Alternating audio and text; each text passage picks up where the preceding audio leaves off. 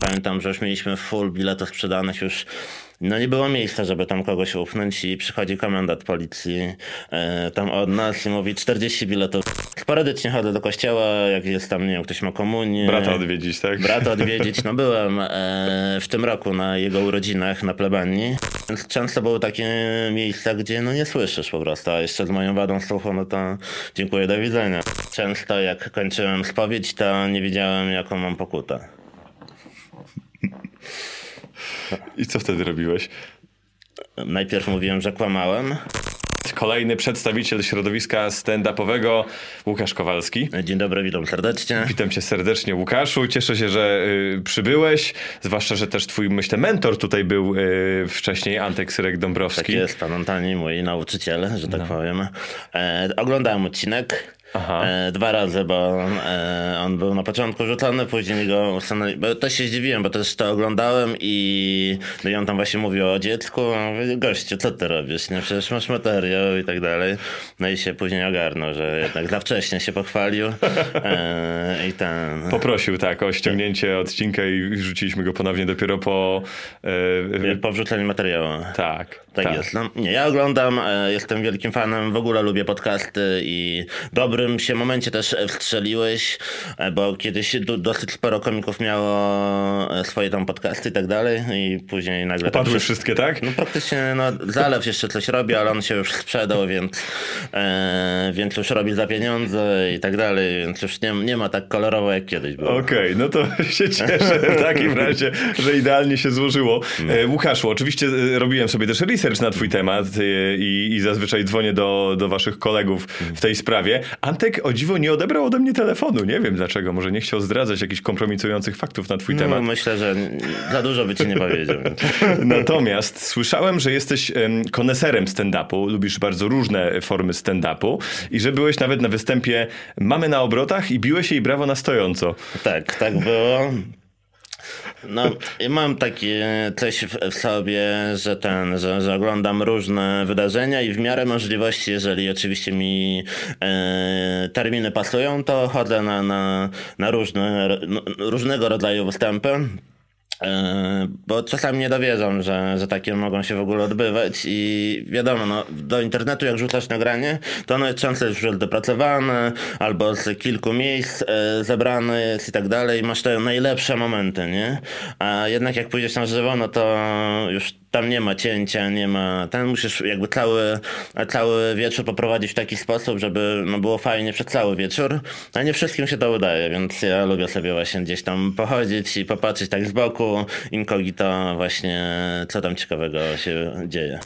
Oglądacie dobry przelot. Jeśli Wam się spodoba, śmiało subskrybujcie, komentujcie i wpadajcie częściej. A jak chcecie nas wesprzeć, zajrzyjcie na Patronite. Bo ona nie ma dobrego, dobrej opinii e, w waszym środowisku. Raczej był tu Wojtek Fiedorczuk, który opowiadał o tym, że to jest ta jakaś taka naj, najniższych lotów humor, więc mm. się zastanawiam, czy ty doceniasz rzeczywiście tam kunszt jakiś, czy po prostu sobie sprawdzasz? Mm, nie, nie. Raczej jest to dla mnie ciekawe zjawisko i, i po prostu lubię sobie zobaczyć i doświadczyć czegoś innego niż e, powiedzmy zazwyczaj się ogląda czy słucha. E, I wiesz, ja na pewno jestem daleki od oceniania w jakiś sposób, czy coś jest lepsze, gorsze i tak dalej, bo jakby co to zmieni, że ja powiem, że coś jest lepsze czy gorsze. Ja też na przykład uważam, że jeżeli ktoś sprzedaje bilety, ma e, chętnych, którzy przychodzą na ten występ i tak dalej, absolutnie nie mam z tym żadnego problemu i nie było łatwo kupić na mamę na obroty bilety, ale finalnie pojechałem specjalnie do Gdańska, żeby obczaić. Przy okazji tam wiadomo, znajomych sobie też odwiedziłem, ale ten, ale jechałem specjalnie na mamę na obrotach do, do Gdańska. Okej. Okay. Twoja w ogóle droga stand-upowa była ciekawa, bo ty trochę wszedłeś właściwie od kulis, nie? Byłeś menadżerem. Czy czy zanim zacząłeś pracę y, w tym menedżmencie, myślałeś o tym, że będziesz komikiem? Nie miałem takich planów, w sensie, że mm, jakby interesowało mnie to jak najbardziej, no ale to nie było takie, wiesz, proste, że sobie napiszesz trochę materiału, coś tam ten. No i zgadzam się z tym, że jakby tak powiedzmy od zaplecza wszedłem, no bo najpierw w ogóle wszystko się zaczęło od tego, że zacząłem organizować u siebie w Cisiu, mam taką małą scenę, gdzie zapraszam komików i, i, i to już jest od 2014 roku. No i w międzyczasie tak po prostu przyszła taka motywacja, że zacząłem pisać sobie trochę materiału, chodzić sobie tam po open micach mm, i później w ogóle zacząłem pracę jako menedżer yy, niż jako komik. A, po, a później przyszła taka, tak, taki moment w stand-upie, że już ludzie nie chodzili na sam stand-up, tylko już na konkretne nazwiska, więc się zrobiły nowe roszady, ktoś przestał sprzedawać bilety, ktoś zaczął lepiej sprzedawać bilety i akurat miałem pod sobą takich komików, którzy nie sprzedawali biletów. No i trzeba było coś nowego wymyśleć i w taki sposób dołączyłem do Antka jako support. Czy to, że oni nie sprzedawali biletów, a ty byłeś ich menadżerem, to była twoja wina? Nie, to nigdy tak nie działa, że ja, ja bardziej e, pracowałem w taki sposób, że bardziej byłem bookerem okay. miejscówek. Oczywiście pomagałem tam przy, przy reklamie, czy jakie rzeczy można robić, żeby budować jakby swoją bazę odbiorców i tak dalej. Nie każdy z tego skorzystał.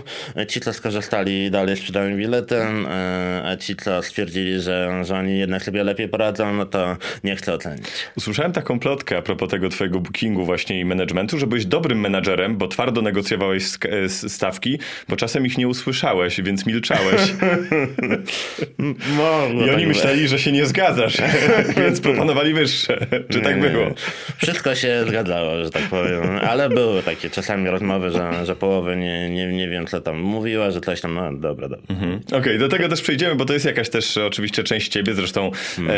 e, wspominasz również na scenie o tym i opowiadasz o tych swoich problemach ze słuchem i myślę, że to też jest e, jakby ważna część ciebie i twojej historii. Mm. Natomiast jeszcze a propos tego Cisiu, bo wspomniałeś o tym, e, tych swoich początkach i prowadzeniu imprez. Mm. To jest kolejna rzecz, którą zasłyszałem, że e, ten pierwszy występ taki, który prowadziłeś, podobno byłeś na nim pijany. No tak, to nie wiem skąd masz tę informację, ale e, tak, to, to była prawda, bo Jakie ja nawet nie wiedziałem, żeby do to prowadził, więc ja już chyba wypiłem sobie, sobie, bo tam oczywiście trzeba krzesła rozstawić, scenę, przygotować światło i tak dalej. Ja wiesz, absolutnie nie wiedziałem, że będę.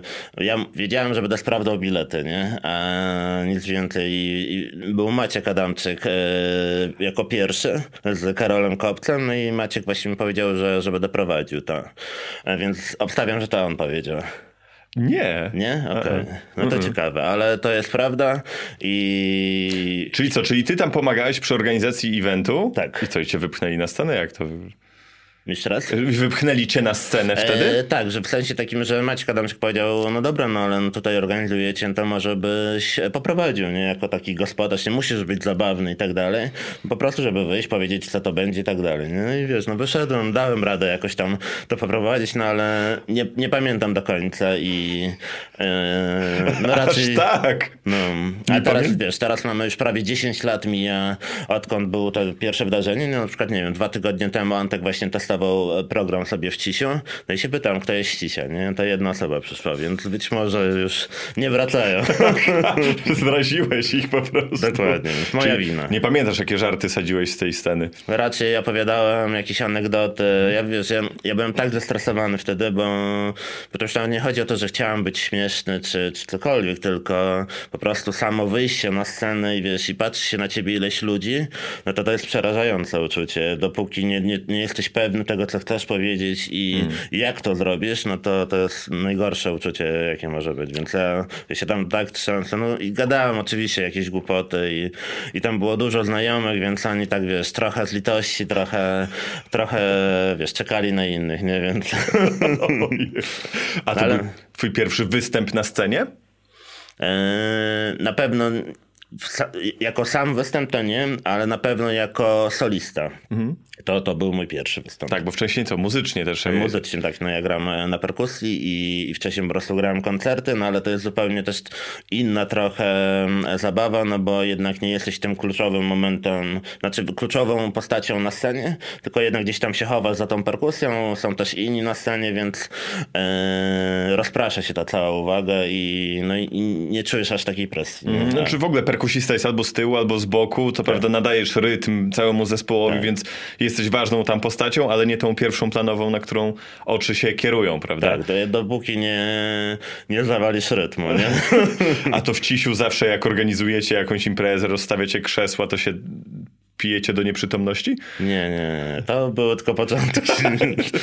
Czy to twój nawyk? Nie, no ja wtedy wiesz, no bardziej jako organizator i oczywiście lubię piwo i z przyjemnością się napiję nawet w trakcie wydarzenia, bo, bo tam nawet jak prowadzę to, no to dalej ja nie, nie opowiadam materiału, tylko witam się z gośćmi, tam już często przychodzą, stała widownia jest w miarę i tak dalej. Wiadomo, trochę się zmienia, bo różni komicy też przyjeżdżają, czy komiczki, e, więc tam piwko, wiesz, e, absolutnie, jak najbardziej, no ale na pewno nie jest tak, że, wiesz, walimy gaz i tak dalej. Tam były jakieś pojedyncze rzeczy, że nie wiem, że ktoś został sobie po, po występie, sobie posiedzieliśmy i tyle. Nie? Czy w ogóle podobno jesteś typem gawędziarza, który siedzi, z, widzisz go o pierwszej w nocy na imprezie w tym samym miejscu i za pięć godzin jest nadal w tym samym miejscu i siedzi i rozmawia.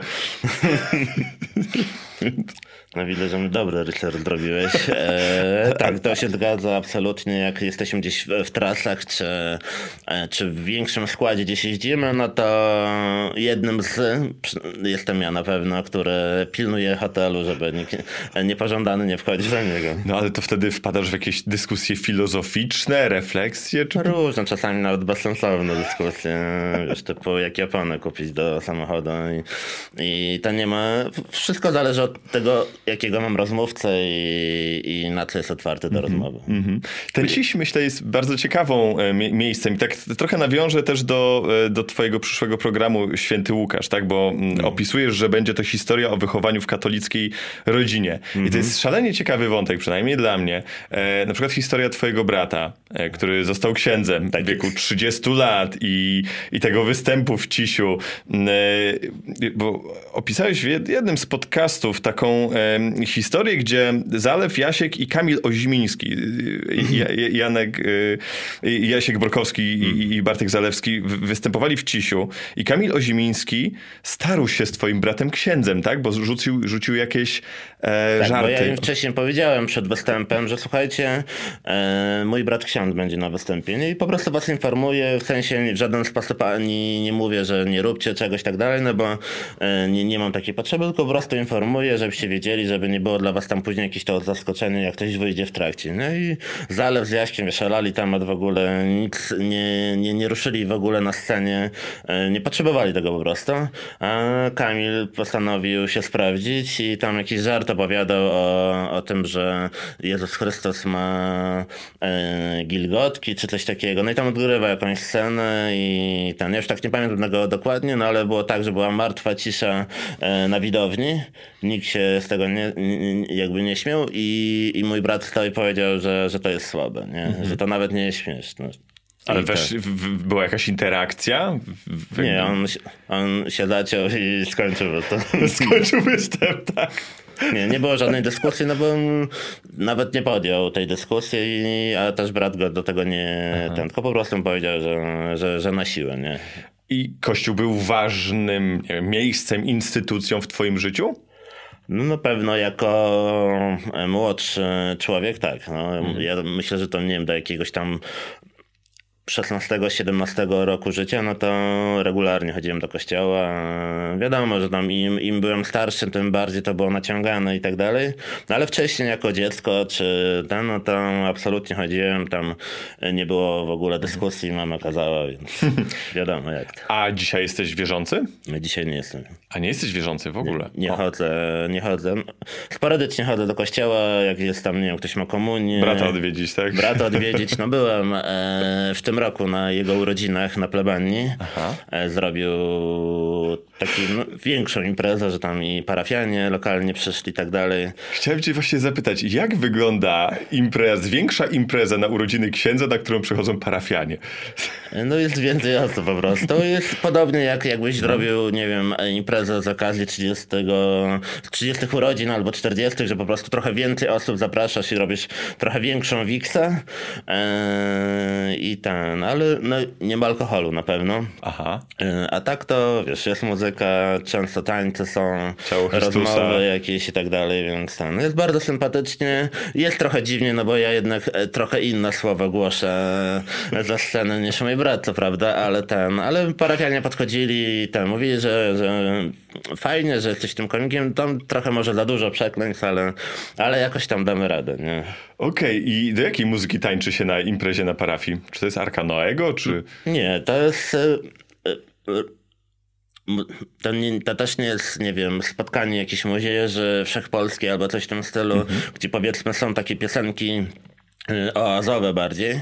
Tutaj raczej leci klasyczna muzyka, taka jak tam gdzieś w radiu i tak dalej, nie. Aha, po prostu Parafianie popik. też słuchają normalnej muzyki. Tak. Nie, nie, no wiem, wiem, wiem. Czy w ogóle to raczej po- pozytywny wydźwięk Mm. i jakieś takie emocje we mnie budzi, że no bo ksiądz też człowiek, prawda? Nie, absolutnie. I, i, I ma jakby normalne gdzieś tam swoje życie i potrzeby i, i to, że organizuje imprezę Mm. też jest na swój sposób fajny i ciekawe, bo skraca dystans, nie? No, ja pamiętam, że kiedyś, nie wiem, no tak strzelam, że miałem 16 lat i spytałem się jednego księdza, czy ksiądz może pić alkohol, nie? Ja powiedział, czemu, nie? Mówię, Kurde, elegancko, nie? No to dlaczego na urodzinach księdza nie ma alkoholu? No bo raczej, no w sensie mój brat na pewno nie pije eee, i, ten, i po prostu nie, nie ma takiej potrzeby i, i nie pije, nie ma problemu z tym, że ktoś pije, e, więc ja nadrabiam dla niego, ale ten, ale po prostu on nie pije, a też pewnie myślę, że i parafianie nie czują się jakoś tak komfortowo, żeby wiesz, z flaszką iść na plebanię, nie, wiesz tam, ale wiesz, pijamy, nie, w sensie ja bym nie miał problemu, ale jakby nie będę siłę muszą, nie. Kumam. A jak to się stało, że ty jesteś ateistą stand-uperem, a twój brat jest księdzem, który w ogóle powołanie odkrył w wieku lat 30 i miał dziewczynę, tak? Tak, no nawet nie wiem, czy narzeczony nie miał, czy coś takiego. Nie, no to jest dziwna dosyć historia, i, ale generalnie wydaje mi się, że życie dosyć e, takie jest, że, że nie zrozumiesz pewnych rzeczy i to się dzieje i tam, jeżeli jest mu dobrze, jest szczęśliwy, no to absolutnie nie mam z tym żadnego problemu. Ale nie jestem ci w stanie na to pytanie odpowiedzieć w żaden sposób, bo ja go pytałem już wielokrotnie, powiedz mi, co się wydarzyło w twoim życiu? Nigdy mi nie powiedział, nie? W sensie tam, e, tak wiesz, wymigał się trochę do odpowiedzi. A, czyli unika tematu, to ciekawe. No nie wiem, czy unika, ale ni- ni- nigdy mi nie powiedział tak wprost, e, słuchaj, wydarzyło się to i to, e, przewartościowałem sobie swoje życie, cokolwiek, nie? W sensie, ale nigdy nie takiej informacji nie dostałem. Tak nie chciał za bardzo też odpowiadać na to, więc e, z kim innym się spotykam o pierwszej w nocy w hotelu i... Wow. Ale mam nadzieję, że kiedyś powie. Mhm, mhm. A rodzice wasi są bardziej dumni z ciebie czy z niego? No myślę, że, bo już moja mama nie żyje, ale A, ten, ale myślę, że na bank mama by była bardziej dumna z brata księdza, no bo ona była też bardzo wierząca i tak dalej. Y, Ale mi też by tam poklepała po plecach. A z tatą e, to mam taką relację, że no, on bardzo długo się nie mógł e, przekonać e, do tego, że, że robię komedię. W ogóle dla niego to było dosyć e, no takie, on jest wiesz, starszej daty człowiek i, i inną jakby ma zasadę w życiu. A jednak takie, wiesz, artystyczne życie, dopóki, wiesz, jak już nie zarabiasz pieniędzy, jak już, e, powiedzmy, nie radzisz sobie w tym, no to wiadomo, ale no, zanim dojdziesz do tego punktu w takim artystycznym świecie, no to jest długa, bolesna droga, gdzie ci, wiesz, znajomi się już od ciebie odwracają, bo już, już na początku ci trochę na przykład kibicują, a później jak już widzą, że się męczysz, że kombinujesz i tak dalej, no to już jest trudniej z uśmiechem na twarzy rozmawiać o tym. No i ten, no i tata bardzo długo nie był w stanie się przekonać do tego. Ten nigdy nie był na moim występie na żywo, chociaż go zapraszałem teraz e, w tym roku, ale nie, nie dotarł w końcu, bo finalnie tam e, zdrowotnie też i tak dalej.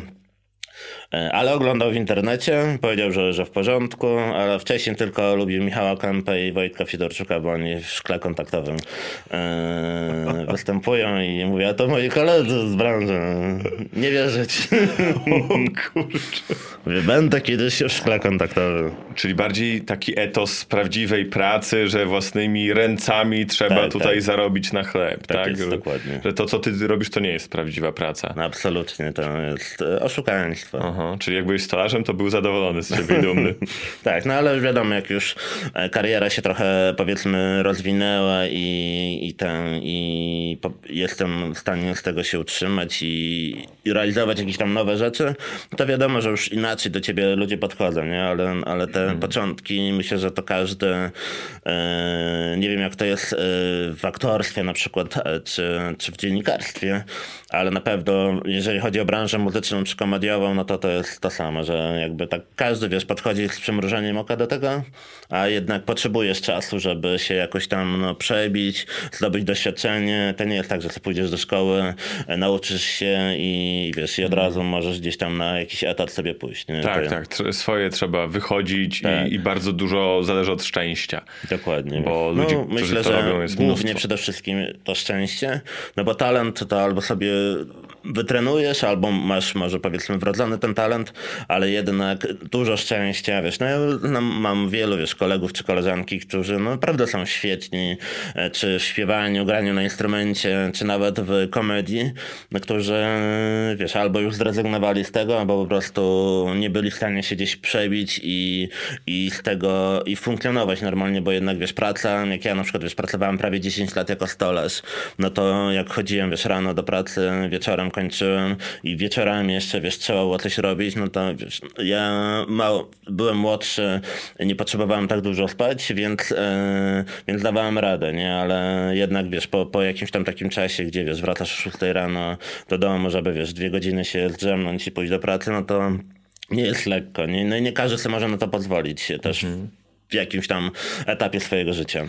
I co, i myślisz, że to szczęście sprawiło, że jesteś tu, gdzie jesteś dzisiaj? Myślę, że tak, no, że, że gdyby nie, jakby nie zlepek różnych sytuacji, że znalazłem się w jakichś e, momentach e, gdzieś tam e, na swojej drodze, no to absolutnie, wiesz, Poznanie Antka, jak Abelard przyjechał pierwszy raz do Cisia, no to wiesz, on był takim topowym komikiem i przyjechał do Cisia, no to wiesz, to w Cisiu to wszystkim baniu rozwaliło, że pan Abelard postanowił taką dziurę odwiedzić, nie? Przyjechał kilka razy, wiesz, bilety się w moment sprzedawały. Pamiętam, że już mieliśmy full biletów sprzedanych już no nie było miejsca, żeby tam kogoś upchnąć i przychodzi komendant policji e, tam od nas i mówi 40 biletów dla Polski, znaczy dla naszej tam halinowskiej ten, no i wiesz, i masz do wyboru albo e, odmówić e, komendantowi, że przyjdzie, albo wiesz, że niedługo stracisz prawo jazdy i tak dalej, nie? Wow, aż tak to jest na takiej małej wiosce, gdzie się wszyscy znają? Są takie Tra- układy, No układziki? tak, no, wiedzą czym jeździsz, więc szybko cię zatrzymają. Mhm. E, I ta, no i po prostu wiesz, no, żeby żyć jakoś tam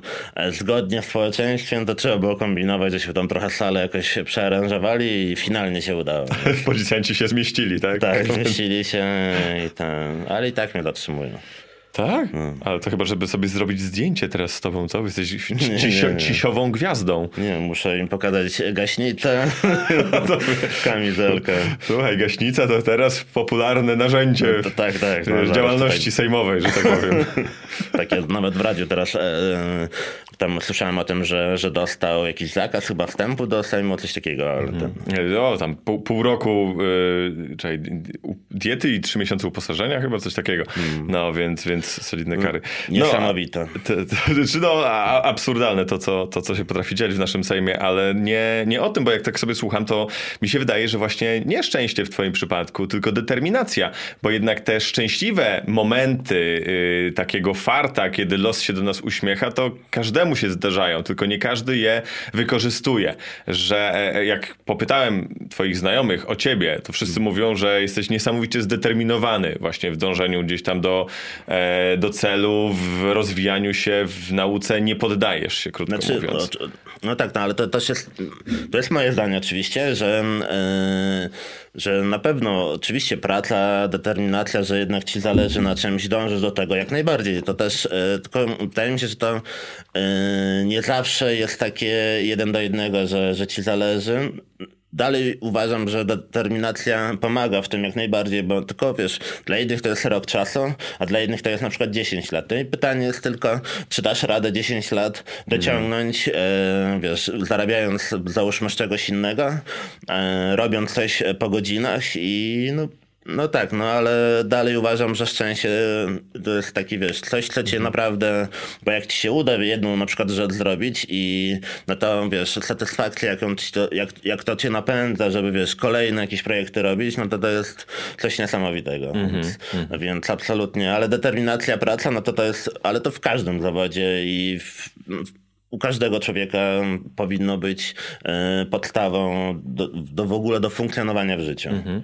Ja myślę, że nie można ci absolutnie odmówić charakteru też takiego, wiesz, tej właśnie siły i determinacji, że to, nawet jakby ci się nie udało gdzieś tam przebić do, do szerszej widowni, mhm. to tobie by się to prędzej czy później udało. I się zastanawiam, jakie były takie momenty w twoim życiu, które cię ukształtowały, jakieś takie kamienie milowe, które, wiesz, zmieniły twój kurs, powiedzmy, albo twoje podejście do życia? Myślę, że na pewno branża muzyczna tam się najbardziej, tam było dużo trudniej niż w komedii ze względu na to, że tam jednak praca zespołowa. Ja jestem bardzo dobry w pracy zespołowej, czyli jak się decyduję na jakąś rzecz, że coś robimy i jest nas tam, załóżmy tak jak dzisiaj, we, we trzech jesteśmy, no to na to się decydujemy, robimy sobie jakiś plan, rozkładamy sobie na, na jakiś czas i robimy te rzeczy bez względu na to, co się wydarzy. Wiadomo, jak wydarzy się coś złego u ciebie i będziesz potrzebował przerwy albo cokolwiek, absolutnie, ale ten, ale w sytuacji, kiedy wiesz, robisz i nic się nie dzieje takiego niesamowitego, tylko poznajesz dziewczynę i stwierdzasz, że elo,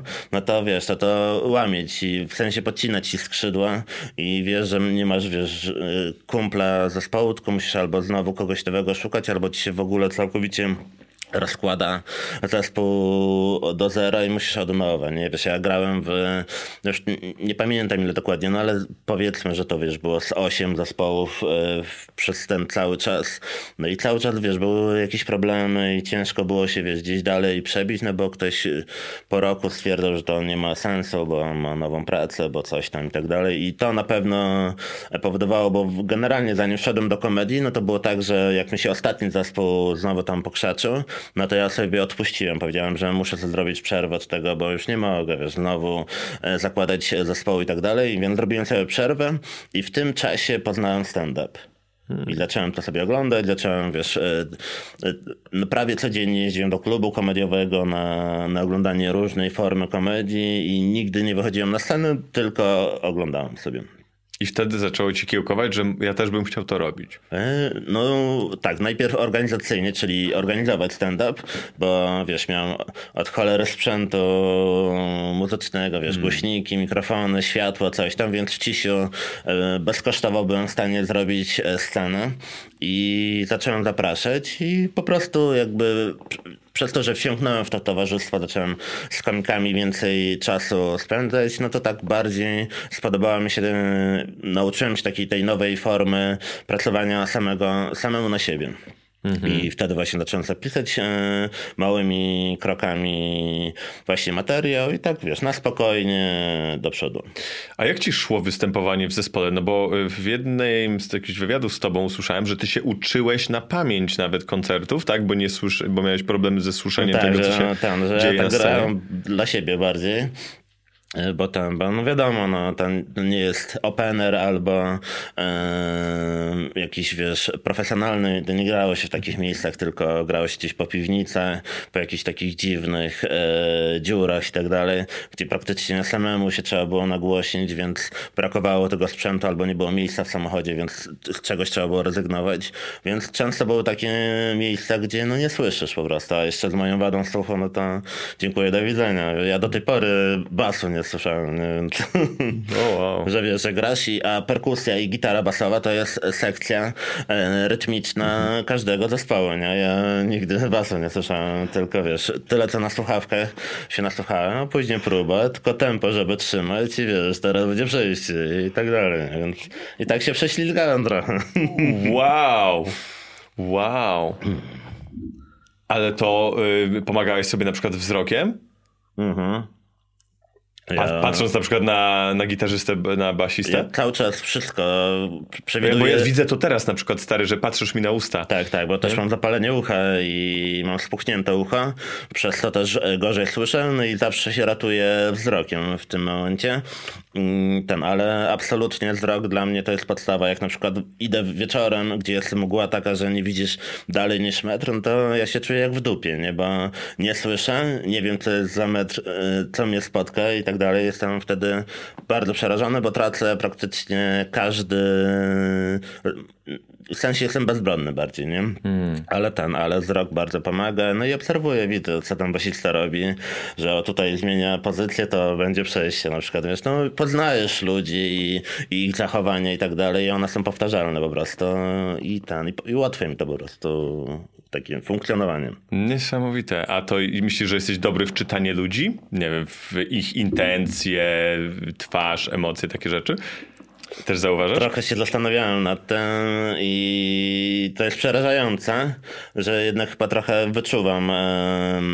Trochę, nawet nie tyle, że jestem w stanie przewidzieć e, daną osobę, ale jednak po tym, jak się zachowuje, e, jakich słów używam, jednak trochę mi oddaje to, jaki mam nastawienie na przykład do mnie. A, jaki, okej. I z czym się na przykład spotykasz, że, że ktoś mówi coś pozytywnego na twój temat, a widzisz, że ma negatywne nastawienie? Tak to raczej nie, znaczy ewentualnie ktoś grzecznościowo mówi, nie, załóżmy, to nie wiem, myślę, że każdy się z, tak, z taką rzeczą spotkał, że nie wiem, no, jesteś na open micu, jest tam iluś komików czy komiczek, wszyscy występują, nie wiem, jedni testują, inni coś tam innego robią i tak dalej, no i wiesz, wychodzisz, tam jeden zbierze lepsze reakcje, drugi gorsze i tak dalej. I wiesz, później ktoś podchodzi do ciebie, bo jest na przykład, nie wiem, niżej w hierarchii, załóżmy, nie dopiero rozpoczyna przygoda. I podchodzi do ciebie i, i tak wiesz, po prostu podchodzi, żeby się jakoś, wiesz, chce na przykład, nie wiem, pokazać. Ja nie mam z tym problemu, żeby sobie podszedł, pogadać ten, ale ten, ale widać, że czasami to jest takie, żeby się tylko przypodobać trochę, nie? I to. Ale też tego nie ocenia, jakby przyjmuję komplement, dziękuję i, i dalej do przodu. Ciekawe, ale to y, jak powiedziałeś o tej mgle i w ogóle o tych twoich doświadczeniach ze słuchem, to przychodzi mi na myśl taki film Sound of Metal, nie wiem czy widziałeś. Tak, tak, o tym e, chłopaku, co, co grał w zespole i stracił Dokładnie, słuch, no. też był perkusistą i stracił To jest słuch. Generalnie to jest bardzo dobry film. Tak, e, też nie oglądałem w kinie, tylko już później chyba na Netflixie, jeżeli dobrze pamiętam. No to jest bardzo emocjonalny film. Nawet już nie chodzi o to, że, że dla mnie, bo, bo powiedzmy historia bardzo podobna. Ale ten, ale jednak no, ten emocjonalny stan tego głównego bohatera, co, jak, jak mu się to zmienia później i tak dalej. Więc e, polecam na pewno, jeżeli ktoś nie oglądał, to bardzo można się wzruszyć. I co cię najbardziej poruszyło w tym filmie? Ta, to, że się gdzieś tam widziałeś siebie w tym bohaterze? Mm, Na pewno trochę e, odbijało się to gdzieś tam. Niektóre rzeczy przypominało to z mojego, z mojej powiedzmy historii, ale w tym filmie bardzo jest fajnie pokazany moment, jak on na początku, wiesz, nie akceptuje tego, że wiesz, traci słuch, a później e, niby walczy o to, żeby wrócić do tego i żeby wrócić tam do tej swojej dziewczyny, czy, czy coś w tym stylu, a ten cały proces poznawania ludzi, których e, tam spotyka w tym szpitalu i tak dalej, e, w tym ośrodku, Ośrodku bardziej, bardziej, niż, tak. e, niż, e, niż szpital i to, czego się uczy, tam nowych wartości w życiu i tak dalej, gdzie on finalnie rezygnuje z tego wszystkiego i zaczyna nowe życie, no to jest bardzo piękne. Mhm. A co było najtrudniejsze w tej gdzieś tam dorastaniu z tą wadą, którą masz? Środowisko, dzieciaki w szkole? Mm, Myślę, że najtrudniejsze było e, to, że jednak byłem opóźniony. Że jednak e, ja o czym się dowiadywałem później niż e, moi rówieśnicy. Bo u mnie na przykład było, bo ja mam obustronną wadę słuchu, ale od urodzenia, a Pierwszy aparat słuchowy założyłem w wieku 9 lat, więc ja już w 9 lat dużo rzeczy nie słyszałem, inaczej się, e, wiesz, ja do tej pory jeszcze mam problem z e, czystym mówieniem i wiesz, i nie wiem, czy kiedykolwiek dojdę do tego momentu, że będę naprawdę czysto był w stanie mówić, Mm, ale ten, ale mimo wszystko, oczywiście były jakieś e, pojedyncze głupoty, które się wydarzyły i tak dalej, ale to myślę, że każdy mniej lub bardziej doświadczył jakiejś niemiłej sytuacji, czy w szkole, czy gdzieś tam wśród e, rówieśników, ale mimo wszystko nie miałem jakichś takich sytuacji, że, że, że to się jakoś bardzo odbiło na, na jakimś takim nietypowym, powiedzmy, traktowaniu mnie, więc nie mam za bardzo takich wspomnień, które mi naprawdę zniszczyły psychikę. I też myślę, że, że, że ta moja otwartość, którą mam, właśnie to rozmawianie z ludźmi gdzieś tam w hotelu czy cokolwiek, no to jest. Ja jakby nie. Mnie nie martwi to, że wiesz, że ja mam wadę słuchu, jak czegoś nie dosłyszę, to poproszę, żeby ktoś powtórzył i tak dalej. Jakby, wiesz, no żyjemy i ten, nie ma się o to martwić. A też dużo osób poznałem w szpitalach, którzy właśnie są zamknięci w sobie i, i ciężko się z nimi rozmawia, co mnie strasznie tak dołowało i, i dlatego między innymi właśnie czy, czy granie na perkusji, czy teraz występowanie. Ja, ja też jak piszę materiał e, swój komediowy, to oczywiście tam mówię o swojej wadzie słuchu, no bo to jest jakby mój e, styl życia po prostu. To jest część ciebie, tak. I, i nawet nie, nie mówię tam o jakichś negatywnych rzeczach, bo nie ma czegoś takiego, a bardziej po prostu opowiadam historię, ale też bardziej mi zależy na tym, że, że ja pokazuję, że że wiesz, robimy sobie komedię, tutaj wiesz, czegoś nie usłyszysz, tutaj się pośmieję, tutaj coś tam i tak dalej, ale żeby to był przykład dla, dla innych osób, które w jakiś sposób, nie wiem, są zamknięte w sobie, bo, bo czują się trochę gorsze przez to, że nie że nie słyszą, że nie widzą albo cokolwiek, e, żeby po prostu, nawet nie mówię, że muszą wychodzić na scenę, czy robić jakieś, wiesz, publiczne rzeczy, ale żeby po prostu w życiu takim codziennym po prostu były sobą i, i robiły, i, i były bardziej otwarte po prostu. Mhm. Że da się właściwie czy ty jesteś chodzącym przykładem na to, że nie ma rzeczy niemożliwych, że to, że masz 70% ubytku słuchu, tak gdzieś tak, mówiłeś. 70%, no. Grałeś w zespole, na perkusji, na najważniejszym instrumencie i dawałeś radę, nie? więc to jest jakieś po, y, właśnie myślę pokrzepiające dla wielu innych ludzi, że kurczę da się, nie? tylko trzeba po prostu chcieć. Tak, no trzeba chcieć, no ale też yy też na pewno niektórzy no, w różnych e, miejscach e, się urodzili, wychowywali. Na pewno wiesz, ci, co gdzieś tam na, na jakiejś takiej odległej wsi e, się rozwijają, no to dużo gorzej, wolniej się rozwijają. Teraz Gorszy start mają, nie? Tak, no teraz wiadomo, trochę się czasy zmieniły, bo jest internet, więc już jest łatwiej mimo wszystko,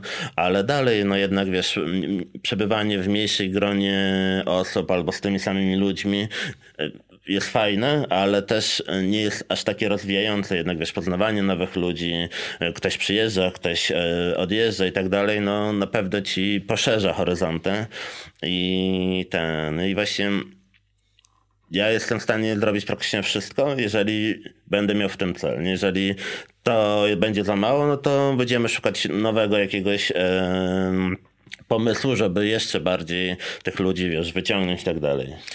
A co ci tak rozszerzyło horyzonty? Albo kto? Jakie? Hmm. No bo, pewno... bo, ty jesteś właśnie tym chłopakiem z tej wioski małej, nie? I jednak wyjechałeś. Znaczy dalej tam mieszkasz, ale, ale udało ci się jakby ponad to wyjść. Nie ma na pewno takiej e, jednej osoby, bo, bo to jest na pewno na, na różnym etapie były to różne osoby. E, no ja od samego początku bardzo lubiłem muzykę. Nie wiadomo, e, słuch nie pomagał, więc trzeba było głośniej słuchać. E, więc jak wracałem do szkoły, no to nie było nikogo w domu, bo tam praca, rodzeństwo w szkole, więc wtedy wiesz, na pełny regulator, słuchanie muzyki. Siostra mi teksty piosenek pisała, żebym więcej rozumiał. I ten, jeśli tym jarałem, później zacząłem na, z bratem na przykład na koncerty jeździć, no i wiesz, patrzę na zespół, nie wiem, takim pierwszym zespołem, który e, e, pokochałem, no to był Lady Punk, bo mój brat miał dużo winyli i zacząłem sobie, no i tego słuchałem, no bo nie było tak jak teraz, że masz Spotify, sobie możesz puścić co chcesz tak na dobrą sprawę, tylko jednak ograniczone były zasoby muzyczne i po prostu się słuchało to, co było w domu.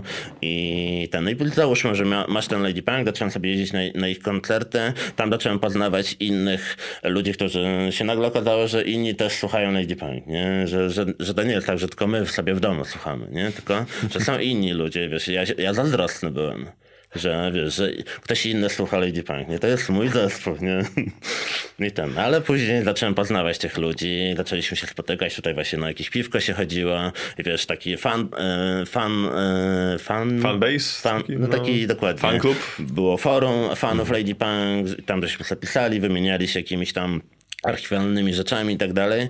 No i tam właśnie, no i oni byli dla mnie takim wzorem, e, inspiracją do tego, żeby właśnie, żeby się w ogóle uczyć grać na instrumencie. Więc za- zaczynam tam na jakichś klawiszach, na gitarze i tak dalej, no ale finalnie skończyło się na tej perkusji, bo się w niej najlepiej odnalazłem i ten, no i tak wiesz, takimi e, rodzeństwa na pewno było dla mnie, bo ja byłem najmłodszy w rodzeństwie, więc e, oni byli starsi, więc chodziłem z nimi na imprezy, wiesz, obserwowałem sobie starsze koleżanki i tak dalej, wiesz, czułem się zawsze inaczej. E, I wiesz, i to cały czas, wiesz, było takie inspirujące, że możesz gdzieś pójść, tutaj poznasz tego czy tamtego. No i później właśnie ta komedia się też między innymi zaczęła i jestem generalnie, jestem otwarty na, na wiele różnych e, rzeczy i czytam sobie czy książki, czy słucham właśnie podcastów, właśnie tak jak też tu wspominałem, słucham sobie dobrego przelotu, bo Dziękuję. jeżdżę dużo samochodem i no nie da się czytać, więc e, lepiej posłuchać sobie wtedy. I ten, no i zapraszasz tutaj oczywiście też i komików, no ale też i Wienio teraz był ostatnio e, i wcześniej e, miałeś też różnych gości, wiesz, i czasami są bardziej interesujące, czasami są mniej, ale coś tam z tego wyciągniesz zawsze. I wiesz, i słuchając, dowiadując się, naprawdę dużo rzeczy inspirujących jest. Y, To w ogóle powiedziałeś takie fajne zdanie, że jakby nie ma dla ciebie rzeczy niemożliwej, nie? że zrobisz wszystko jak będzie trzeba. Zastanawiam się, czy do tej kategorii należy zabukowanie hali stulecia i zapełnienie jej. No jest dobrze, bo już mamy 207 biletów sprzedanych, więc zostało mi tylko 5300 do sprzedania. Eee, więc zobaczymy. Na pewno to się odbędzie, bez względu na to, czy to będzie. Myślę, że tysiąc biletów sprzedam na pewno, e, bo jak grałem z poprzednim programem, no to tam z Antkiem oczywiście byłem wielokrotnie we Wrocławiu i tam e, pewnie dla kilku tysięcy osób graliśmy łącznie, jakby się sumowało, ale jak grałem solówkę, to grałem trzy razy jednego dnia. Tylko, że to było na 90 osób, nie? E, Ale finalnie można powiedzieć, że 270 było sprzedane, więc mówię, trzeba sobie podnieść pod, e, poprzeczkę. E, Ale to jest tak raczej dla zabawy to wrażenie, bo ja nie jestem do końca fanem dużych hal, a dla stand-upu przynajmniej. No bo jednak, wiesz, daleko komik, nie ma takiej re, re, relacji z publicznością, nie?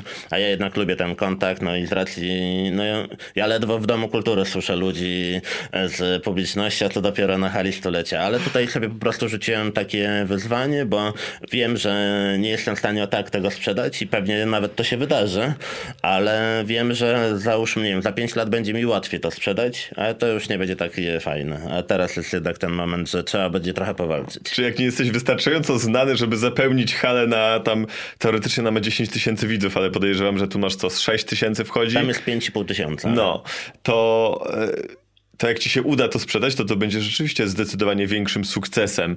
E, I się zastanawiam, jak ty chcesz to zrobić, żeby y, to się udało i ile y, planujesz utopić pieniędzy w tym? No, takie wstępne, szacunkowe kwoty to jest 80 tysięcy złotych. Tyle kosztuje zabukowanie. Tak, tak, to takie są koszta tej sali.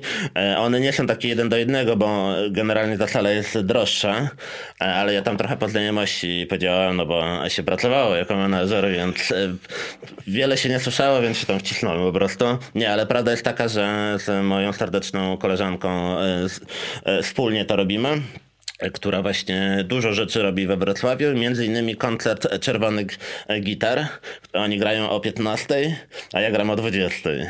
I po prostu przez to, że, że będą dwa eventy, to też te koszta są dużo mniejsze, nie? Bo jakby miał wynająć tą halę tylko dla siebie, no to zapomnij, że, żebym to w ogóle zrobił, bo, bo wtedy bym... Teraz chyba muszę sprzedać 2000 biletów, żeby wyjść na zero, nie? A jak coś sprzedam więcej, no to zapłacę Antkowi za prowadzenie. ale ten... Ale no... Teraz muszę sprzedać, bo też... nie- Ja zrobiłem bilety po 40 zł, bo uważam, że, że to jest bardzo dobra e, cena na wyjście w ogóle wieczorem, że masz e, cenę biletu 40 zł, kupujesz dwa, bo jedziesz z, z kimś w towarzystwie, masz jeszcze dwie dychy do wydania w żabce po drodze i uważam, że to jest elegancko, w stówie się można zamknąć, przy okazji sobie halę stulecia o- zwiedzić. I ten, no zobaczymy. No będę, mam e, zrobić małą konkurencję na pewno e, w styczniu i w lutym, bo na, na czas promocji hali stulecia e, będę robił e, swój e, podcast taki, żeby reklamować to wydarzenie. E, tam będzie chyba pięć odcinków. Pierwszy odcinek będzie jeszcze przed świętami. To będzie solowy podcast. Będzie, tematem podcastu będzie co kupić pod choinkę do 40 zł. okay. Ale mam też e, zaplanowanych gości Aha. i to bardzo grubych gości. W sensie e, topka polskiego stand-upu i którzy będą moimi mentorami, będą mi opowiadali, jak się gra na takiej hali, żebym e, dał dobry występ. Się przygotował. No to my też tutaj zachęcamy oczywiście serdecznie do kupowania biletów po to, żebyś chociaż na to zero wyszedł. Tak. A tak sobie pomyślałem, może y, przed koncertem też rozdawaj ulotki, że zostańcie po koncercie trzy godzinki i tutaj będzie występ. No, no, nad tym e, myślę, że to jest gdzieś tam e, w dalszej jakby liście planów, A, że jak już no. wiesz, będzie już ostatecznie trzeba będzie Jak to będę- desperacja będzie, tak? No nawet jest pomysł taki, żebym wyszedł przed czerwonymi gitarami i zrobił e, 10 minut e, supportu e, dla seniorów, e, żeby ich zaprosić, że hej, zostańcie tutaj. Słuchaj, w akcie desperacji możecie zamknąć drzwi i nie wypuszczać ludzi. To Też jest e, takie rozwiązanie, albo herbatę ugotować i zostaną. Kruchówkę na przykład. Dokładnie. Okej, a to prawda, że kręcisz też dokument o, tej, Znaczy, o, o tym jest taki przedsięwzięciu? plan, chociaż im dłużej, im i dłużej o czym myślę, to już mi się coraz mniej chce to robić. Mhm. Ale myślę, że może nawet nie chodzi o to, że to będzie dokument, bardziej po prostu taka zajawka, taki powiedzmy, nie wiem, jak to ma- making of albo coś w tym stylu. No ale zobaczymy, jak to, bo to jednak, kurde, mam taki jeden problem z tym, że jako pamiątkę fajnie zrobić coś takiego, ale z drugiej strony mam problem, bo ja też tak za bardzo nie lubię, wiesz, hej, robię jakąś rzecz i będę jeszcze to nagrywać i udawać nie wiadomo co i tak trochę mam zgrzyt z tym, nie? Ale na pewno zrobię jakiś taki, e, na pewno nie dokument, ale jakąś taką, e, no trzeba zapamiętać, jak się utopiło pieniądze. Czyli jesteś absolutnie gotowy stracić te 80 Tak, no koła. ja jestem, wiesz, ja, to też nie było tak, że ja dostałem tą halę stulecie i panie Łukaszu, proszę działać, nie? Tylko ja jeździłem specjalnie do Wrocławia na spotkanie i musiałem e, rozpisać, jaki mam biznesplan na to, e, żeby przekonać włodarzy, że, żeby mi udostępnili tą halę, nie? Ja, wiesz, trzy godziny płakałem pod stołem i prosiłem, żeby mi udostępnili tą halę, nie? Bo im pokazałeś biznesplan, który się zamykał na minus 80 koła. Dokładnie. Mówię, tyle e, zorganizuję do 20 marca. Czyś prosili cię o wyciągi bankowe? Nie, nie, Żebyś nie, udowodnił ale- im ale- płynność finansową? Nie, nie, tego akurat nie było, ale musiałem im przedstawić właśnie plan, jak, jak chcę to reklamować, e, kto mi pomoże w promocji tego e, i tak dalej. No nie jest lekko na pewno, ale ten, ale powiedziałem, że mam działki w cisie, więc najwyżej sprzedam. Stary, to mega trzymał kciuki, bo to jest takie, wiesz, budujące, że, że się porywasz na teoretycznie niemożliwe, a, a jak o tym słucham, to myślę, że może ci się to udać i że jeszcze w ogóle na tym zarobisz. To Nie, byłoby no. niezwykłe. No jakby pieniądze to jest najmniejszy, najmniejszy jakby Tak, chodzi o wyzwanie, prawda? Tak, wyzwanie, i wie, ale nawet jak się nie uda tego sprzedać, tylko nawet załóżmy, że przyjdzie tylko tysiąc osób, to dalej jesteśmy w dupie. Nie? I właśnie nie chodzi o to, że pieniężnej, tylko że wiesz, masz ogromną halę, ci ludzie, wiesz, oczywiście sprzedaje najpierw przednie krzesełka, żeby siedzieli z przodu, a nie gdzieś tam z tyłu i tak dalej. No ale to wiesz, to będzie tak, że będziesz niby miał tysiąc ludzi, a nie będziesz ich kruszył w ogóle, nie? Więc, yy, więc no to będzie na pewno ciekawe. Na pewno im mniej sprzedam biletów, tym ciekawszy będzie materiał dokumentujący to. To bardzo chcę to z- zobaczyć. To a propos twojego jeszcze niesłyszenia, zastanawiam się, jakie miałeś w życiu takie niezręczne sytuacje z tym właśnie związane, że czegoś nie dosłyszałeś. Że czegoś nie dosłyszałem. Poznam jedną taką anegdotę, ale może najpierw ty powiedz. Mm, em, no ja na pewno na spowiedzi. No. Często jak kończyłem spowiedź, to nie wiedziałem jaką mam pokutę. I co wtedy robiłeś?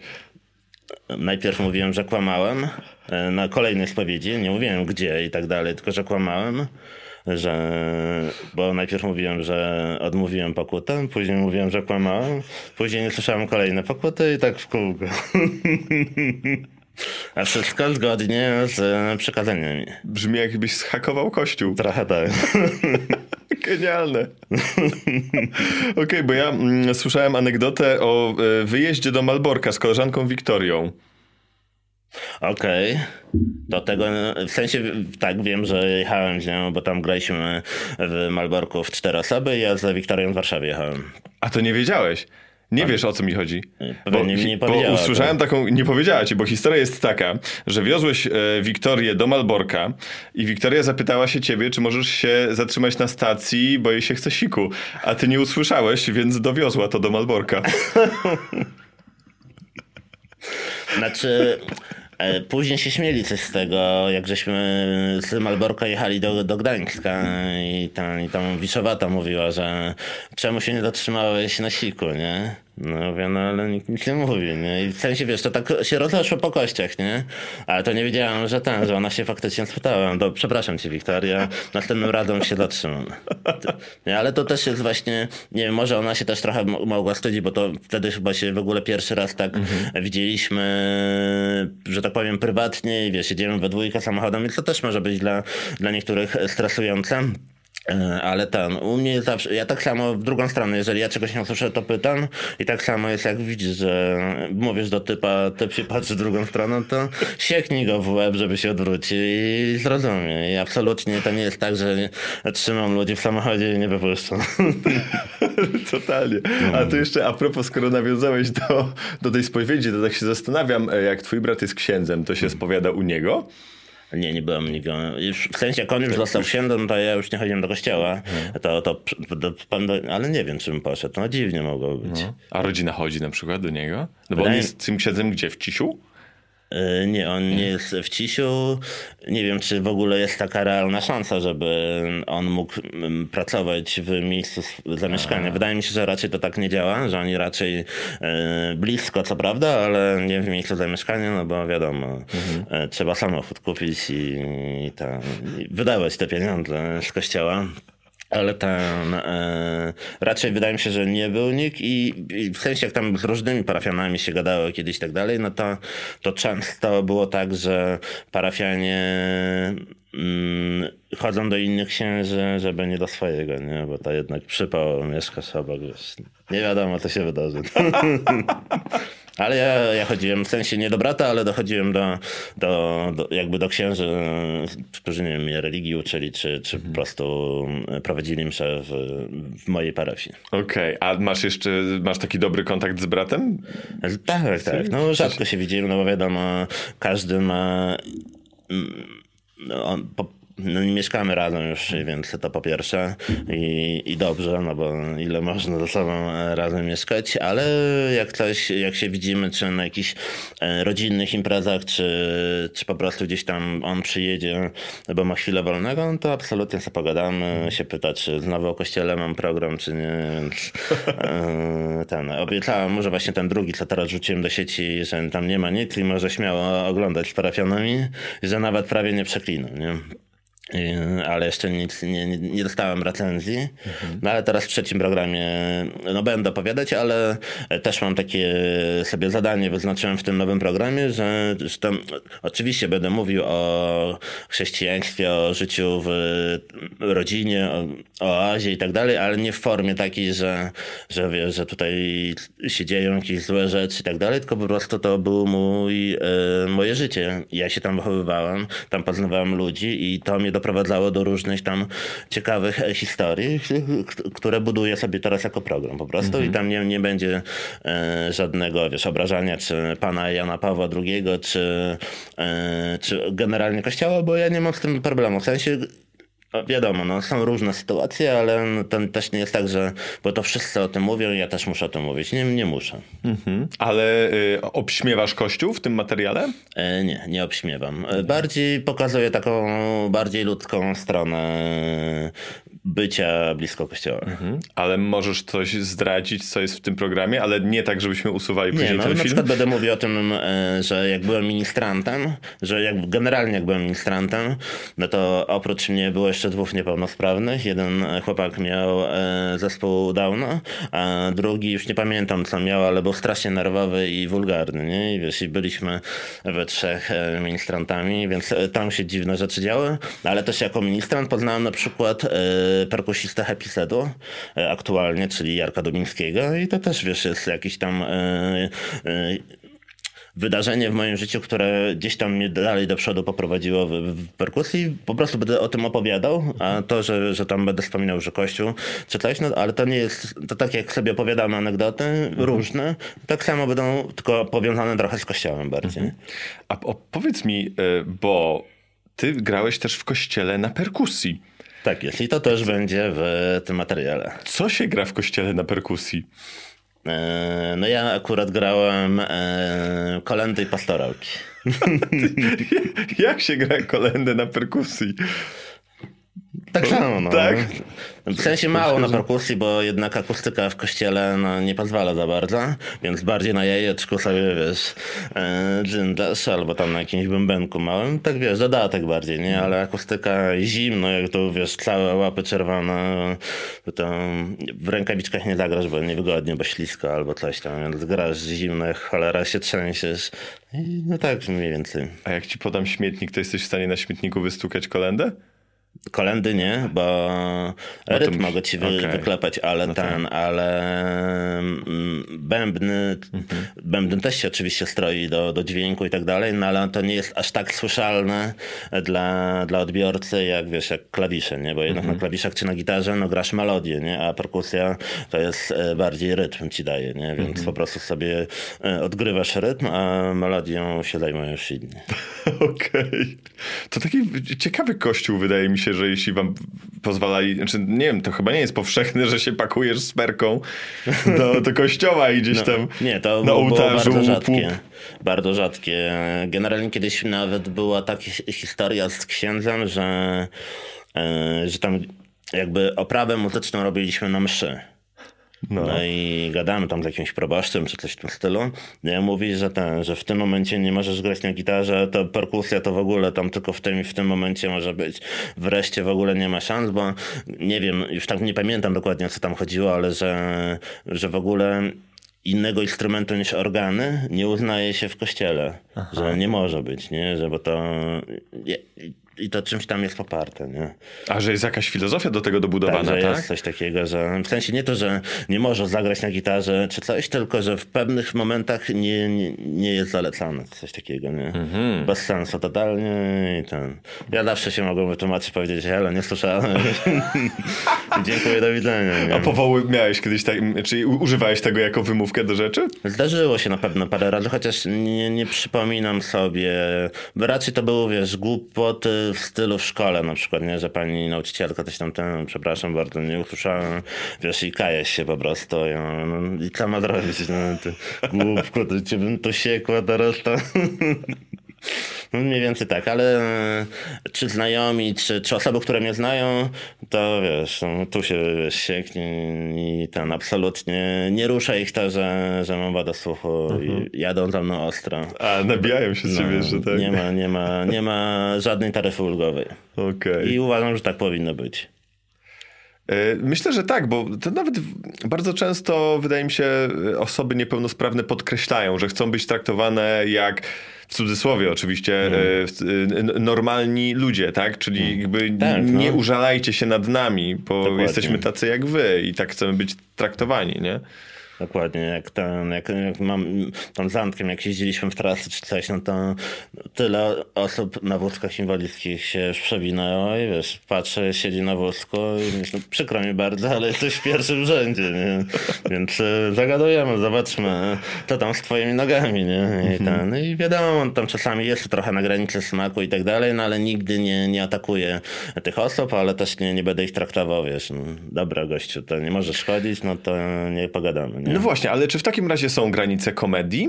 Czy ty przez to na przykład, że masz brata, księdza i katolicką rodzinę, to się trochę nie autocenzurujesz? Mm. Mm, Ja bym to bardziej powiedział tak, że nie ma granic, nie ma jakby tematów tabu i tak dalej.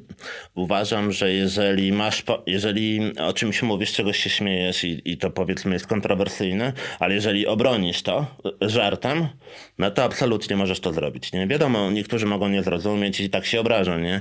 Ale ten, ale bardziej ja, y, jak to u mnie przez to wygląda, że na przykład jeżeli nie mam pomysłu e, na przykład e, na, na żart o czymś, nie, że nie wiem, teraz jest popularne, nie wiem, jak na przykład ktoś umrze, nie, no to zaraz masz wysyp na open mic'u i wiesz, i cisną po tym zmarłym, nie, że to taki albo owaki i tak dalej, nie, I wiesz, takie na siłę to, wiesz, bez sensu w ogóle, nie. Ale jeżeli masz fajny pomysł na, na żart i, i, i on, wiesz, będzie fajnie poprowadzony, no to absolutnie wybraniesz to, nieważne jaki byłby temat. Ja mam też tą szkołę specjalną na przykład, no i wiesz, to śmieję się z tych ludzi i tak dalej, tak samo jak z siebie, ale tam nikt nie jest gorszy, nikogo nie obrażasz, e, tylko po prostu bardziej pod, jakby na świecznik nie dajesz, ale dalej nikomu się krzywda nie dzieje. Tylko to jest bardzo nieuchwytne. Co to znaczy fajny żart, nie? Albo zrobić dobry żart. No tak, no też nie? każdy To jest... inaczej to rozumie, nie? Wiesz, no. e, ilość hejtu, która jest w internecie, no to czasami czytasz te rzeczy. Ja bardzo lubię, żeby nie było, ja mi Lubisz, jak cię hejtują, tak? Ja wiesz, tam piszę każdemu, czy ktoś pisze kocham cię, czy e, spierdalaj, no to absolutnie każdemu to odpiszę, ale ten, ale dla mnie to jest ciekawe i niesamowite, że, że ktoś, wiesz, czegoś nie, coś mi się nie podoba po prostu. Tylko i wyłącznie, nie, nie wiem, mój głos, wygląd, e, tematyka żartu i tak dalej. Kumam to, że, że nie ma szansy, żeby się, podobał każdemu, nie? Ale, ten, ale to, co piszą czasami, to jest niesamowite, ile tam jest wściekłości w tych komentarzach, wiesz, obrażają cię, wiesz, i wyzywają cię od najgorszych rzeczy i tak dalej, tylko dlatego, że ci się nie spodobała tam rolka 15-sekundowa, nie? To, to jest niesamowite dla mnie, że, że aż tak w tobie to yy, tak cię to denerwuje, że, że, że musisz dojechać tego gościa, nie? Bo, bo powiedział taki żart, nie? Tylko to nigdy nie jest o tobie, myślę. To nigdy nie chodzi o ten konkretny żart, o tę konkretną rolkę, No. e, e, tę konkretną rolkę. Wydaje mi się, że to jest, wiesz, z tyłu tego Mm. człowieka. Jakieś inne rzeczy sprawiają, że, że jesteś wściekły. E, u- A ja jestem tylko łatwym celem. E, No, ja bym powiedział, że takim katalizatorem trochę, Okej. trochę wywołujesz reakcję. Fajnie to jest pokazane w serialu Afterlife um, Rickiego Gervaisa.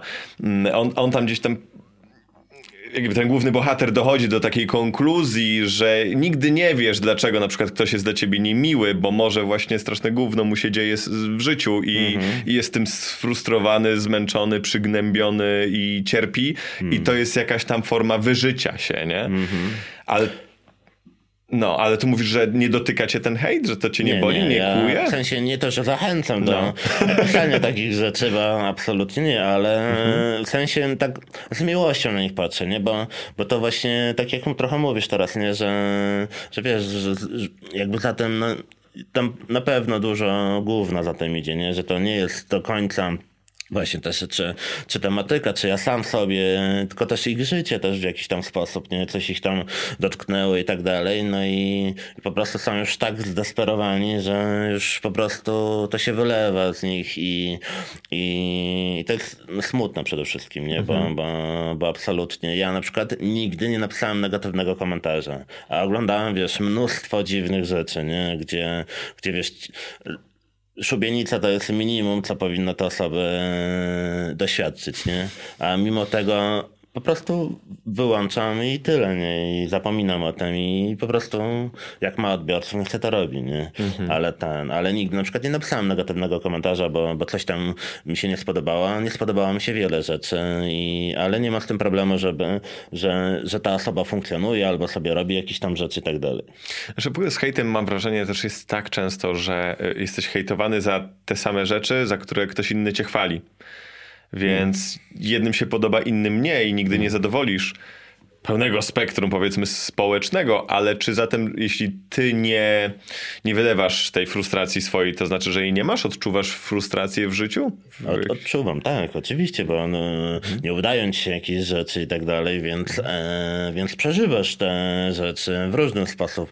E, kurwiąc za kierownicą na przykład, e, czy ten. Ja bardziej mm, rozładowywuję emocje robiąc jakieś rzeczy. No ja dużo na rowerze na przykład jeżdżę i wtedy wiesz, jak mam gorszy nastrój, e, nawet jak, oczywiście najczęściej jest jak mam świetny nastrój, bo lubię jeździć po prostu na rowerze, ale w sytuacji, kiedy jest naprawdę źle e, w mojej głowie, bo coś mnie denerwuje i po prostu potrzebuję to rozchodzić, no to właśnie wsiadam na rower yy, i cykl robię sobie tam 50 km, zmęczę się, gdzieś tam yy, po drodze sobie na piwko skoczę i wiesz, wyluzuję się, wszystko jest elegancko. Później się spotkam, nie wiem, ze znajomymi, nie wiem, rozpali się ognisko i ten, w sensie porozmawiam z kimś, tak, ale nigdy nie miałem czegoś takiego. Miałem, jak byłem młodszy na pewno, no to tam miałem jakieś spiny, czy właśnie nie internetowe, ale bardziej, że ze znajomymi się o coś pokłóciłem, no i to tak, wiesz, się pożarliśmy, że się obraziliśmy i jakiś tam czas kontaktu nie, nie utrzymywaliśmy, no ale po jakimś czasie wracaliśmy ponownie do, do rozmowy, przepraszaliśmy się i pracowaliśmy na tym, żeby e, później w, w jakimś tam najbliższym czasie znowu nie powróciła ta emocja. Mhm.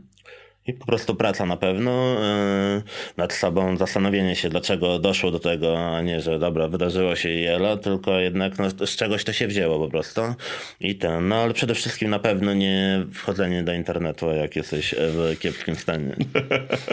I pisanie tweetów po pijaku. No absolutnie. Nawet ja siebie pilnuję w tym, żebym po pijaku nie, nie wchodzi, bo ja jestem za bardzo wtedy otwarty, za, za miły jestem wtedy i wiesz, ja, ale zdarzyło mi się oczywiście, tam gdzieś wchodzę na, na YouTube'a w komentarze wiesz, i piszę jakieś głupoty, takie w sensie z miłością oczywiście, ale ten, ale totalnie bez sensu. Ale co, to co pisz, piszesz po, po pijaku na YouTubie?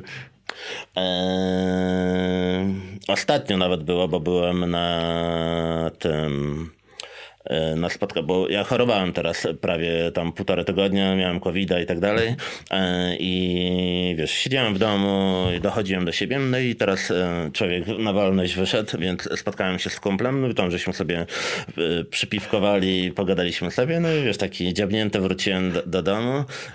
I Antek wrzucił podcast nowy bitów, no i sobie wchodzę oczywiście w komentarze zobaczyć, co tam się ciekawego dzieje, no i ktoś tam napisał, czy będzie będzie, e, czy będą bity z Tomkiem Nowaczykiem. A jestem też wielkim fanem Cezarego Pątowskiego i on ma taką piosenkę swoją rapową, że, że tam grałem z Tomkiem Nowaczykiem, ale nigdy z Waleńczykiem. I co tam dopisałem, że nigdy z Waleńczykiem na przykład, tak wiesz, po prostu sam siebie, wiesz, dziękuję, do widzenia. A jaki jesteś po pijaku? Bo słyszałem, że bardzo nadaktywny taki, że właśnie cię rozpiera energia i radość i...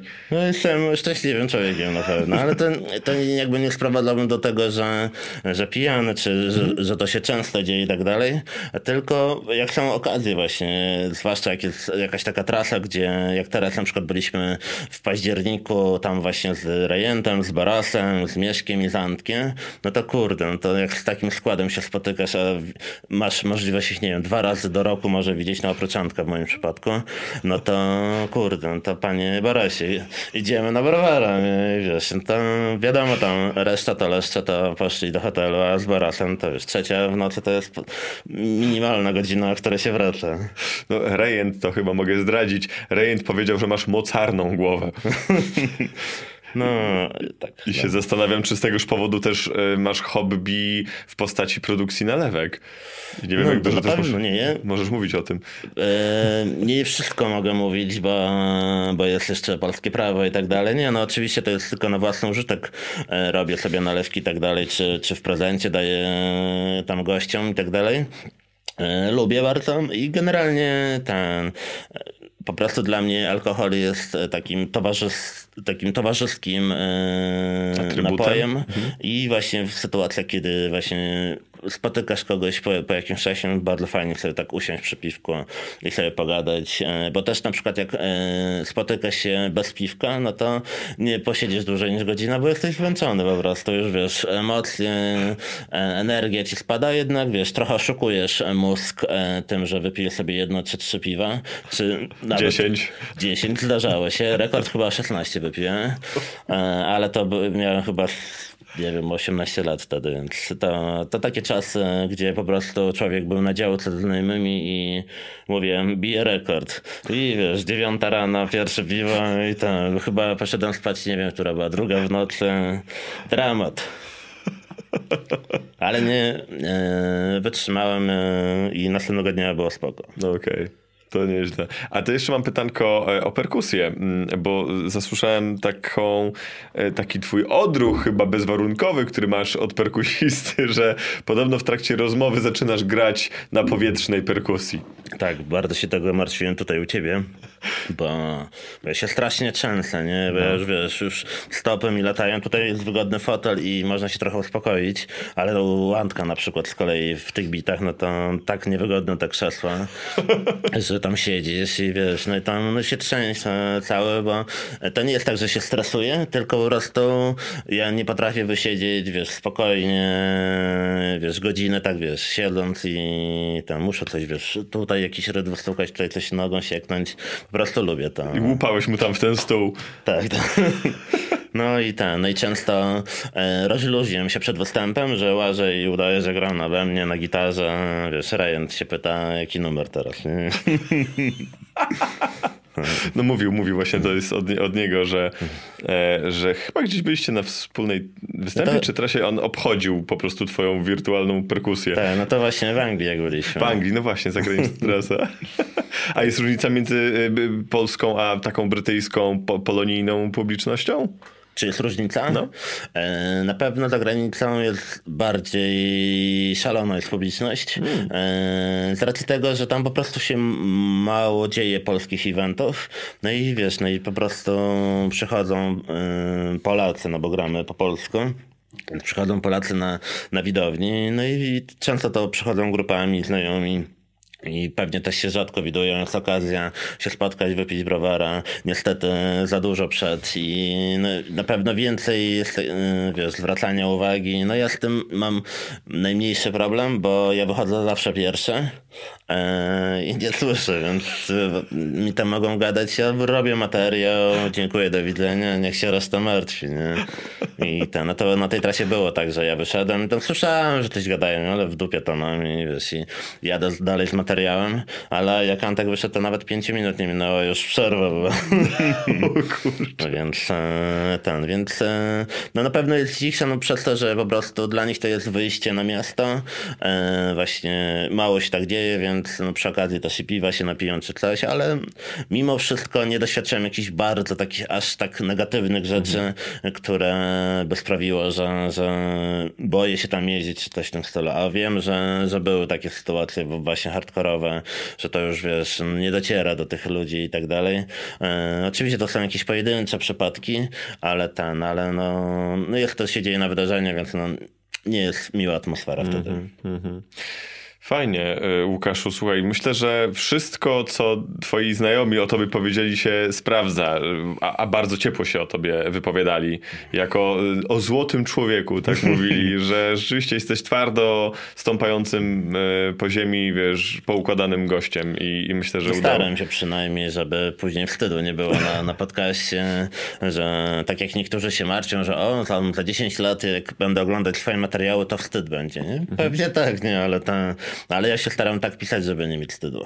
Wiesz co, wstyd, nie wstyd, to raczej powód do dumy, że dzisiaj jesteś lepszy i że robisz lepsze rzeczy i już ci się nie podobają tamte, nie? To jest jakiś dowód rozwoju też. Mi się podoba jeszcze, więc...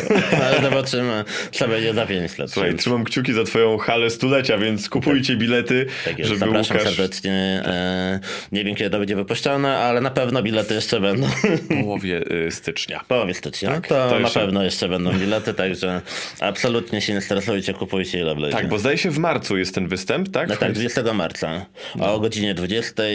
E, także zapraszam, będzie fajny skład, bo będzie Cezary Pantowski, będzie Paweł Ścierski, będzie Tomek Skrzypek, no i oczywiście wszystko będzie prowadził pan Antoni Sregnombrowski, e, więc e, zapraszam, na pewno będzie ciekawie. Zobaczymy, bo też mam jakieś tam pomysły, że jak jakieś progi sprzedażowe będę miał przekroczone, to będę jakieś coś ekstra dodawał. Okej. Więc ten, jakieś może muzyczne rzeczy się pojawią, czy coś, no zobaczymy. Na razie nie ma na to budżetu, a więc jedziemy na sucho. Spoko, słuchaj, kupię bilet, żeby też się dorzucić tutaj do puli w takim razie. Nie, tak nie róbcie, nie kupujcie, żeby nie było później, że przyjdzie 40 osób. A nie, no ja przyjadę, ten, to- przyjadę. to z- z miłością zapraszam. No chyba, że mnie coś powstrzyma, ale mam nadzieję, że nie. Zobaczę, Dobra. Jaki Jak to jest dzień, 20. To jest środa. Środa. No to jest taki, no, dużo osób pisze, że no, panie Łukaszu, jakby to była sobota. Ja mówię, no ale co mnie to? Słuchaj, Zrób spróbuj. sobie sobotę w środę. No. Całą rodzinę z Krzyk tej przywiozę. Nie, no Łukasz, jest, jest No. tak. nie, bo chciałem cię już tutaj y, przedstawić, ale masz jeszcze E, słowo do powiedzenia. Dziękuję bardzo, Mateusz Jędraś. Łukasz Kowalski. Tak jest, dziękuję bardzo. Bardzo dziękuję. Dzięki za Waszą uwagę. Pamiętajcie, że podcast dostępny jest też na Spotify, Apple Podcasts i wielu innych platformach.